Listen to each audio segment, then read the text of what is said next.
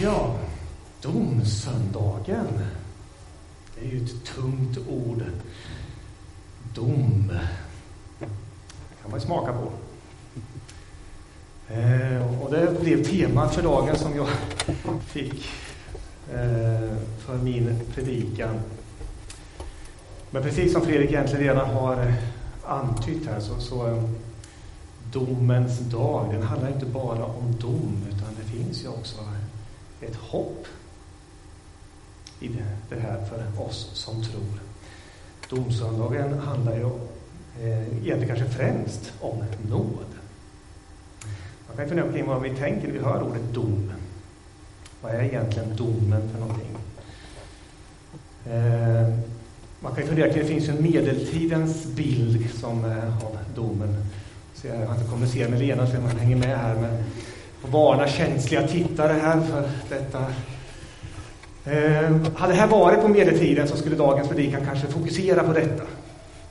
Vad innebär domen, straffet, helvetet? Vad är det för någonting? Och så skulle man måla upp den här hemskheten med, med en hemsk plats som drabbar alla de som inte tror. Och så kanske någon slags budskap som försöker skrämma människor till att någonstans ändå lägga sitt liv i Guds händer. Men det är inte min avsikt idag. Det är inte den här bilden jag för, vill förmedla. Eh, annars skulle man kunna ägna sig åt, åt helvetet och vad det är. Och den, den är kanske inte den enklaste frågan att ge sig på. Jag tänker inte ta den heller. En sak vill jag dock säga, för den här bilden har egentligen tycker jag, grundläggande fel. Beroende på hur man ska tolka den här mycket speciella figuren i mitten.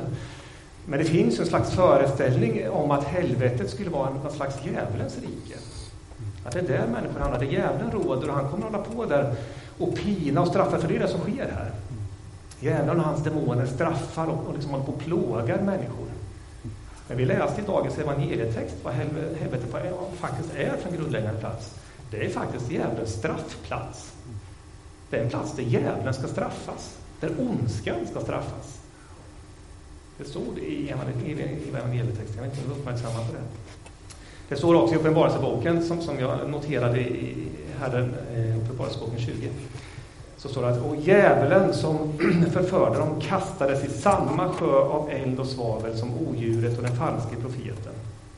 Och de, alltså djävulen och, och, och den falske profeten och odjuret, ska plågas dag och natt, i evigheters evighet. Så det finns inget djävulens rike där han kommer råda och hålla på och plåga människor. Utan det är han som ska straffas först och främst. Sen finns det ett straff och, och vad den som sagt innebär, det, det tänker jag inte fördjupa. Men, men domen handlar naturligtvis också om en dom. Det har vi läst i texten där Jesus kommer att, att skilja fåren från getterna. Vi vi kunna ta nästa bild. Eh, den har också ganska många år på nacken. Det är Michelangelo som har målat den här bilden. Och här har vi fortfarande eh, nu ska vi komma ihåg att egentligen är det ju fåren till höger, men vi får ju tänka spegelvänt då, för det är till höger om Jesus. Eh, för oss som betraktar bilden så blir det ju till vänster här. Då. För Jesus är ju i mitten där, eh, längst upp och ska då skilja. Och så har vi liksom paradiset då till vänster i bilden och helvetet nere i höger där. Eh, men vad handlar egentligen den här bilden om? Vad är det för någonting som kommer att ske på domens dag? Jesus talar ju ändå om det. Och det måste vi förhålla oss till. Det finns ändå ett allvar i domsöndagen. Och det är ett svårt budskap. Det är inte någonting som passar riktigt in i vår tid. Vi vill inte gärna tala om sådana saker som dom och, och straff. Och Gud som dömer. Vi vill hellre fokusera, vilket är ju rimligt också, att fokusera den kärleksfulla och nådefulla guden. Och vi kommer att möta det i dagens predikan också. För domen handlar ju också om nåden. För det, det finns ju en väg, en befrielse från straffet. I texten så, så handlar det om vad de här människorna hade gjort. Eh, de som hade gjort de goda gärningarna, som hade sett de minsta och mött människors behov, det var de som fick belöningen att komma till evigheten med Gud, medan de som då inte hade gjort detta eh, fick eh, en annan dom. Och då, då är det svårt att undgå att, att när vi pratar om domsöndagen och domen, att undgå det här begreppet synd. Eh, och, och, synden som, som är en realitet, och det är inte heller ett ord som är jättepoppis som att prata om idag. Passar inte heller riktigt i vår tid. Eh, och särskilt i det här, man pratar ibland om det här begreppet postmodern. Eh, Mycket ni är bekanta med det postmoderna, är en slags relativistisk syn där egentligen det finns nästan inget rätt och fel. Det som alltså- känns bra för dig, det är, det är rätt för dig och det känns som bra för mig, det är rätt för mig. Och ingen ska komma här och tala om att det finns något objektivt rätt och fel. Det är lite upp till var och en att göra som man vill. Eh, och det är klart att komma i, i, i, en sån tid och börja prata om att jo, men det finns faktiskt något som är synd. Eh, Bibeln har ett budskap. Gud har ändå skapat en ordning som han vill att vi människor ska leva i därför att det är det bästa för oss människor. Det passar inte riktigt. Även vi i kyrkan har nog lite svårt för att tala om synd. Och dels kan det bero på det här att det inte riktigt känns bekvämt i vår tid. Det kan också bero på den här belastningen vi har med kanske i historien har varit lite för stort fokus periodvis på det här med synd och syndakataloger och man gick ganska hårt åt kanske då uteslöt människor i gemenskapen som har sårat många. Eh, och, och det är ju ett arv som, som vi bär med oss som kanske också hämmar oss och gör att vi kanske hamnar i ett annat dike där vi kanske inte riktigt vågar tala om synd alls. Vilket är lite märkligt därför att, det har inte jag räknat, när jag läste i, i en text att det här ordet synd, om man tittar i Bibeln, det förekommer någonstans mellan 750 och 800 gånger. Så det är ju inte ett ord som bara är liksom en liten parentes någonstans, utan det är ett väldigt centralt ord eh, i detta. Eh, och det är också viktigt för att om det här med frälsningen ska vara meningsfullt att förstå, vad är det egentligen, vad frälsningen handlar om? Ja, då måste vi ställa det mot vad vi räddas ifrån, och där är ju synden en central, ett centralt begrepp. Därför att det står i Bibeln att vi har alla syndat och gått miste om härligheten från Gud, står i Romarbrevet. Det är ju liksom själva grundproblemet i hela skapelsen. Vi har alla syndat. Och det är därför vi behöver Guds hjälp. För att återfå härligheten från Gud, att återfå gemenskapen med Gud. Om man bara lite kort skulle försöka ändå definiera det här knepiga begreppet synd och för att ha det med oss när vi också funderar kring så småningom nåden och domen. Så en ganska vanlig sätt att uttrycka det, som jag möter ibland, det är att man brukar säga att synd är att missa målet. Och det håller jag med om, det är en del i begreppet synd, att missa målet. Och vad är målet? Ja, det skulle vara, är ju då ytterst sett att vi är skapade till att leva i gemenskap med Gud. Han skapade människan till sin avbild för att ha gemenskap med oss. Att han vill leva i nära gemenskap med oss, att vi ska också leva i gemenskap med varandra och en god gemenskap som, som är präglad av kärlek och omsorg. Eh, och det är en del i det. Men om man slår upp det grekiska ordet eh, så finns det lite olika innebörder, varav en är, eh, vägen där kanske, eh, det här att missa målet. Den första här, eh, det här grekiska ordet hamartia, då, hur det nu uttalas, Eh, att vara utan del i eh, och att missa målet, det, det, är lite det som jag nu var inne på. Men det har också en annan innebörd, nämligen också att göra fel, göra misstag. Eller en annan nyans, att missa eller vandra fel från ärlighetens och ärans väg. Att göra eller gå fel. Eller också då att vandra från Guds lag, bryta mot Guds lag, synda. Så det är en del i, i, i begreppet synd som, som en handling. Eh, synd kan också eh, användas, eh, har betydelsen att det som är gjort fel, alltså för själva förseelsen, synden är ett brott emot Gud, mot en gudomlig lag. Eh, och nu ska vi betänka, det är ett grekiskt ord, så det här är ju inte unikt för alltså, den kristna teologin, utan det är ju, så har det också använts i grekiskan, den grekiska eh, tankegången, filosofin, religionen. En sista innebörd som skulle vara det är mer en kollektiv synd. Eh, där synden då är den samlade synden hos, antingen hos en person då, eh, men också hos ett folk, eller hos många. Då. Skulle man kunna tänka sig, vi har ju ibland det här begreppet arvsynd, skulle man kunna säga, den här kollektiva, någonting som vi som mänsklighet bär inom oss. Och skulle jag sammanfatta det där, så, det som kommer längst ner, så skulle det vara att, att synd på något sätt, det handlar om att missa målet. Eh, men grunden för det är att vi, har, att vi som människor vi tänker och gör fel. Och därmed missar vi målet. Det, vill säga det är det som hindrar oss ifrån att ha gemenskap med Gud. Den här synden vi bär med oss. Gud som är helig själv och så ren och rättfärdig att vi kan inte komma inför honom med den synd som vi alla människor är drabbade av. Eh, det är ganska vanligt om man läser de här bilderna i Bibeln att de människor som får ett väldigt klart möte, vi har till exempel bilderna Jesaja, Johannes i Uppenbarelseboken, när de möter liksom Guds härlighet, vad är det som första de känner?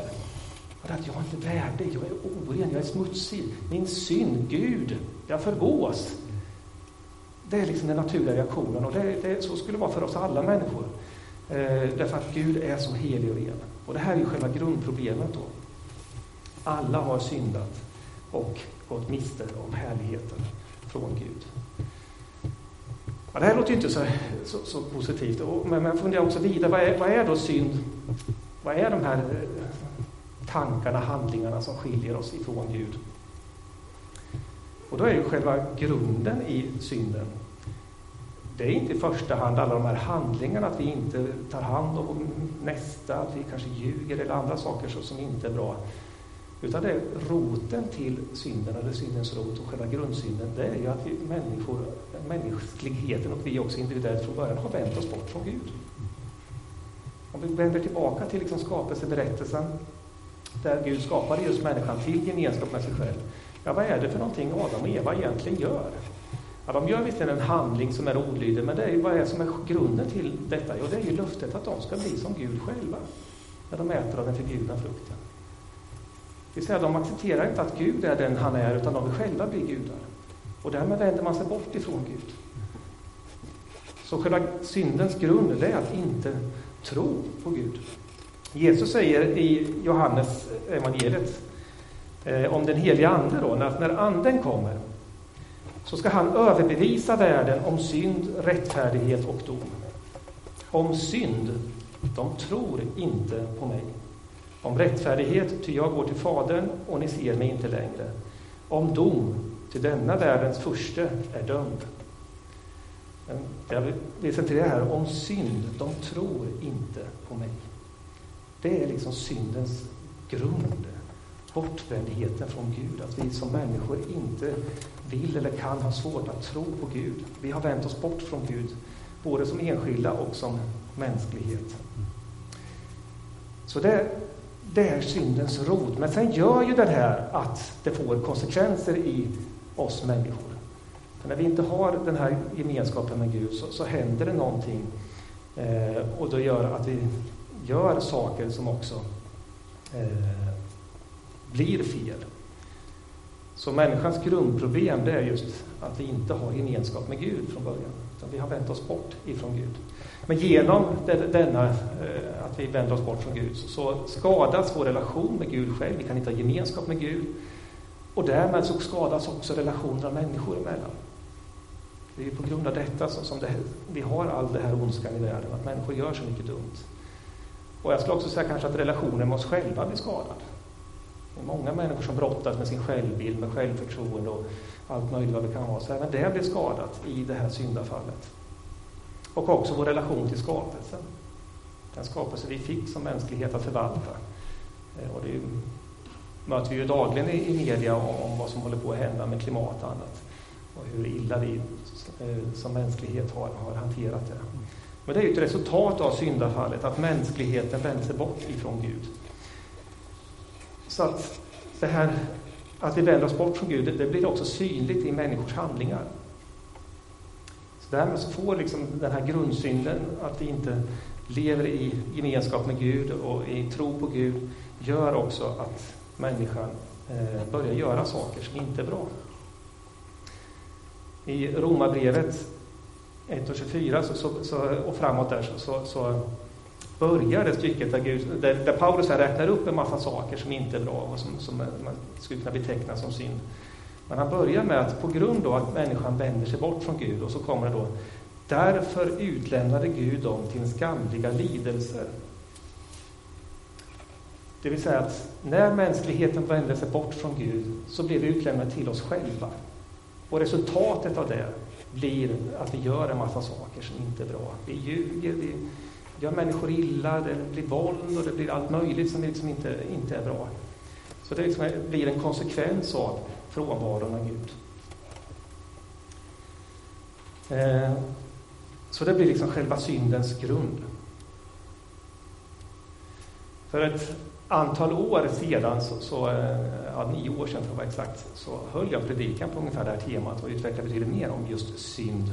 Då gjorde jag någon slags modern, kan vi kalla synd, en syndakatalog. Då. Man kan ju fundera, vad, vad är egentligen synd? Jag tänker inte gå igenom hela den.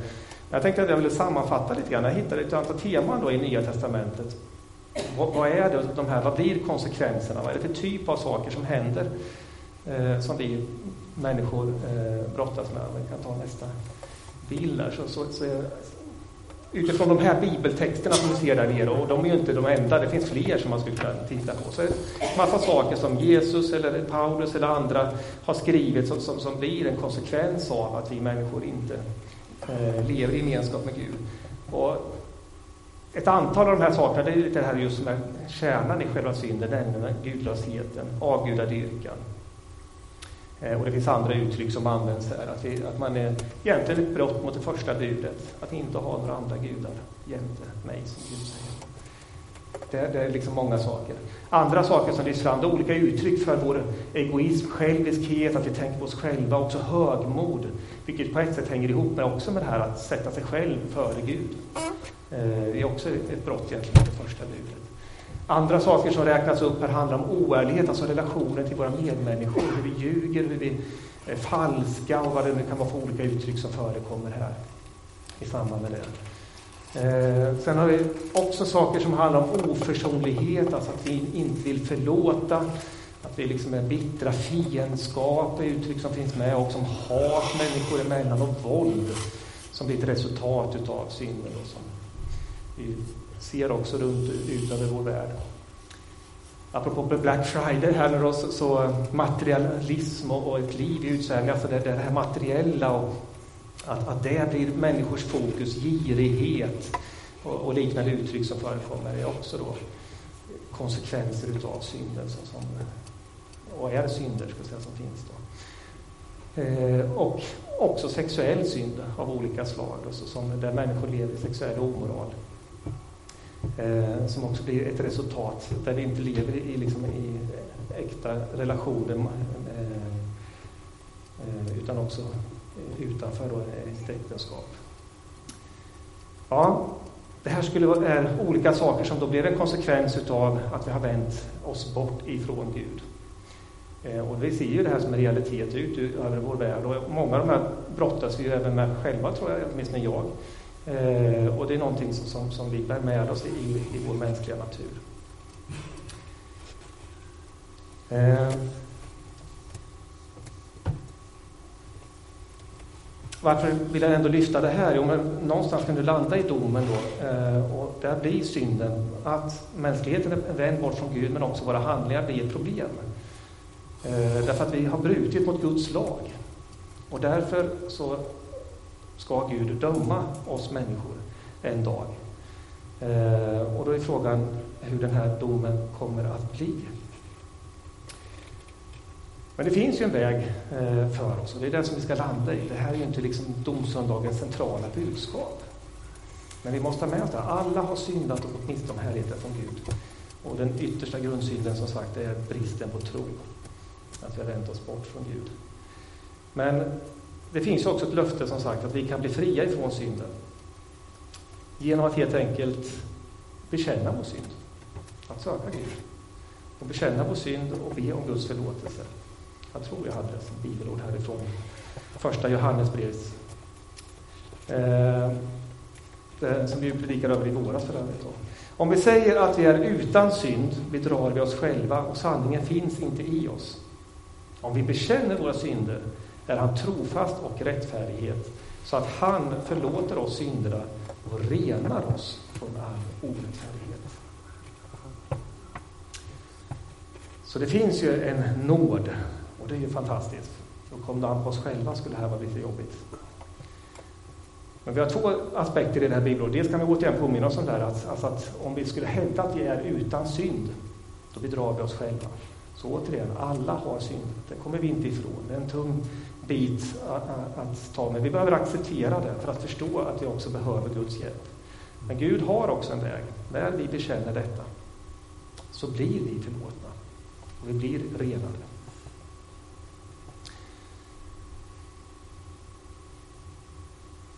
I den här texten som var evangelietexten så, så är ju ett fokus på eh, vad de här människorna hade gjort. Om ni minns. Fåren som fick gå till höger, det var de som återigen hade mött människors behov. Eh, de hade sett de här minsta, satt upp de sjuka och tagit hand om dem i fängelse och så vidare. Och då kan man ju fundera kring, var det på grund av sina gärningar som de blev frikända? Och de här andra då, var det på grund av att de inte hade gjort det? Var det därför de blev dömda? Det är inte så jag i alla fall är uppväxt med och fostrad in i, i, i liksom kristen tro, att det är kärnan, att det är på grund av vad vi gör som gör oss frälsta. Man skulle kunna uppfatta den här texten så. Men jag tror inte att det är så vi ska läsa den, utan eh, för som sagt, det är ju bara Guds nåd som vi kan bli frälsta.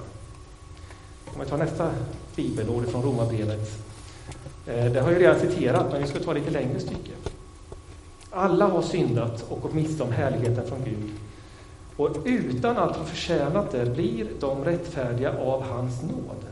Eftersom han har friköpt dem genom Jesus, Kristus Jesus. Vad blir då kvar av vår stolthet?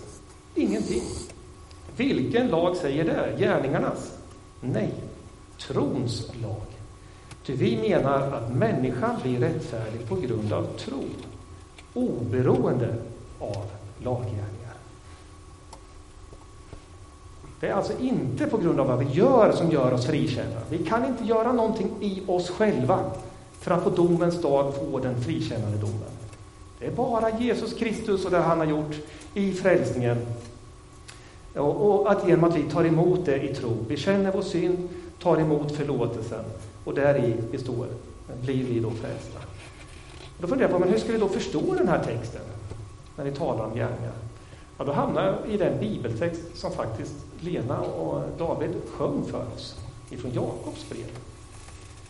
Eh, där Jakob skriver så här. Mina bröder, vad hjälper det om någon säger sig ha tro men inte har gärningar? Inte kan väl tron rädda honom? Om en broder eller syster är utan kläder och saknar mat för dagen, vad hjälper det då om någon av er säger Gå i frid, håll i varma och ät i mätta, den inte ger dem vad kroppen behöver? Så är det också med tro. I sig själv, utan gärningar, är den död. Om man skulle leka lite med, med ord så skulle jag tänka mig att man kan skilja på, man skulle prata om en gärningarnas tro och kontrastera det mot det som är rubriken här, nämligen trons gärningar. Alltså gärningarnas tro, den går ju egentligen ut på, och det är väl lite så som judendomen uppfattar jag tänker många andra religioner, nämligen att det är just genom mina gärningar som jag blir räddad. Genom att leva rätt, göra rätt, på något sätt så ska då någon gud där och tycka att då är jag så duktig och bra och jag förtjänar att få någon form av belöning. Men det är inte det, jag tror inte det heller Jakob menar här. Utan han vill uttrycka är ju att tron uttrycks i gärningar. Om vi verkligen är en äkta, levande hjärtats tro, så får den konsekvenser i våra liv. Det kan inte bara vara tomma ord, en läpparnas bekännelse, utan en tro där vi verkligen får möta Guds kärlek. Vi älskar för att han först har älskat oss. Det händer någonting i mötet med den levande, älskande Guden i våra liv. Då tar det sig också uttryck i gärningar. Så våra gärningar, det gör vi inte för att bli frälsta. Vi gör dem för att vi är frälsta. För att vi har mött Guds kärlek. Det är ett gensvar på Guds kärlek till oss. Och då ber vi den vidare. Vi visar kärlek till våra medmänniskor. Och så tänker jag den här bilden då, är den här domens dag som, som Matteus, eller Jesus då uttrycker och Matteus återger. Att de här människorna som hade gjort rätt har en tro som är levande i sina hjärtan och det har tagits uttryck i gärningar. De har visat den i sin tro i kärlek till sina medmänniskor. Men det är inte gärningarna som räddar dem, utan det är tron. Och det är viktigt att hålla isär det. Så det är nåd att eh, få ta emot Jesus kärlek, Jesu förlåtelse och den nåden gör någonting i våra liv. mötet med Gud själv, med, med den heliga Ande, med Jesus, förändrar våra liv. Vill också läsa ifrån Romarbrevet igen, kapitel 8. För vad är det som kommer hända då på domens dag? Jo, så här skriver Paulus. Nu blir det alltså ingen fällande dom för dem som tillhör Kristus Jesus. Ty den andliga lag som gäller för livet i Kristus Jesus har gjort mig fri från syndens och dödens lag. Det som lagen inte kunde göra eftersom den kom till korta inför vår kötsliga natur, det gjorde Gud. Då han lät sin egen son bli lik en syndfull människa och sände honom som ett syndoffer, dömde han synden i människan. Så frälsningen, den frikännande domen, den beror inte på dig och mig. Den beror enbart på Gud. Vi kan inte göra någonting för att på något sätt förtjäna Guds nåd. Vi kan inte liksom lägga till någonting som gör att det skulle liksom förbättra vår situation i domen, utan det handlar enbart om att vi får komma till Gud i tro. Får bekänna vår synd, vår brist och ta emot frälsningen som en gåva. Och det är fantastiskt befriande. Det är befriande. Sen vill Gud utifrån det här mötet som jag sa, göra någonting. Han vill ge oss en helig Ande, för att den heliga Ande ska vara hjälparen i våra liv, för att vi ska kunna göra de här goda gärningarna. För att vi ska kunna möta människor, tjäna varandra eh, och formas efter Jesu bild, som Paulus också skriver i Romarbrevet. Att det blir en Guds avbild så som vi var skapade till. Att han vill återupprätta oss människor. Och vägen till detta är egentligen, det finns bara en väg som jag tänker, det är att söka Jesus själv. För att vi ska få den här kraften, för att Gud ska få verka i våra liv. Att söka Guds gemenskap i den, det som jag ofta landar i, i bönen, i bibelläsningen och i gemenskapen med andra troende. För att på det sättet komma allt närmare Jesus. Vi kan inte göra det här i oss själva. Vi kan inte uppfylla Guds lag och göra de här goda gärningarna i oss själva, utan vi behöver Guds hjälp. Vi behöver Anden. Och vi behöver få möta på nytt, på nytt få möta Guds kärlek för att vi också ska kunna få kraft och kärlek till varandra, till våra medmänniskor. Så domsöndagen, det handlar om Guds nåd. Det finns en väg bort från straffet, från domen. Eller vi får ju en dom, men den blir frikännande. Vi kommer att frikännas när vi tror på Jesus. När vi vill dela livet med honom. Och då kan vi blicka framåt med hopp, känna tröst och känna glädje. Därför att det finns en evighet som väntar. Och jag vill avsluta med det som är eh, den gamla testamentliga texten för idag, från Jesaja. Där står det så här. Nu skapar jag en ny himmel och en ny jord. Det som varit ska man inte mer minnas, inte längre tänka på. Nej, glädjer och jubla för evigt över det som jag skapar. Jag skapar om Jerusalem till jubel och dess folk till glädje. Jag ska jubla över Jerusalem och glädjas över mitt folk. Där skall inte mer höras gråt och klagan. Det är den framtid som väntar oss. Det är det som vi kommer få möta på domens dag. Ett hopp, ett liv i gemenskap med Gud i evighet. En glädjens dag. Amen. Tack Jesus för att du är en nådefull Gud.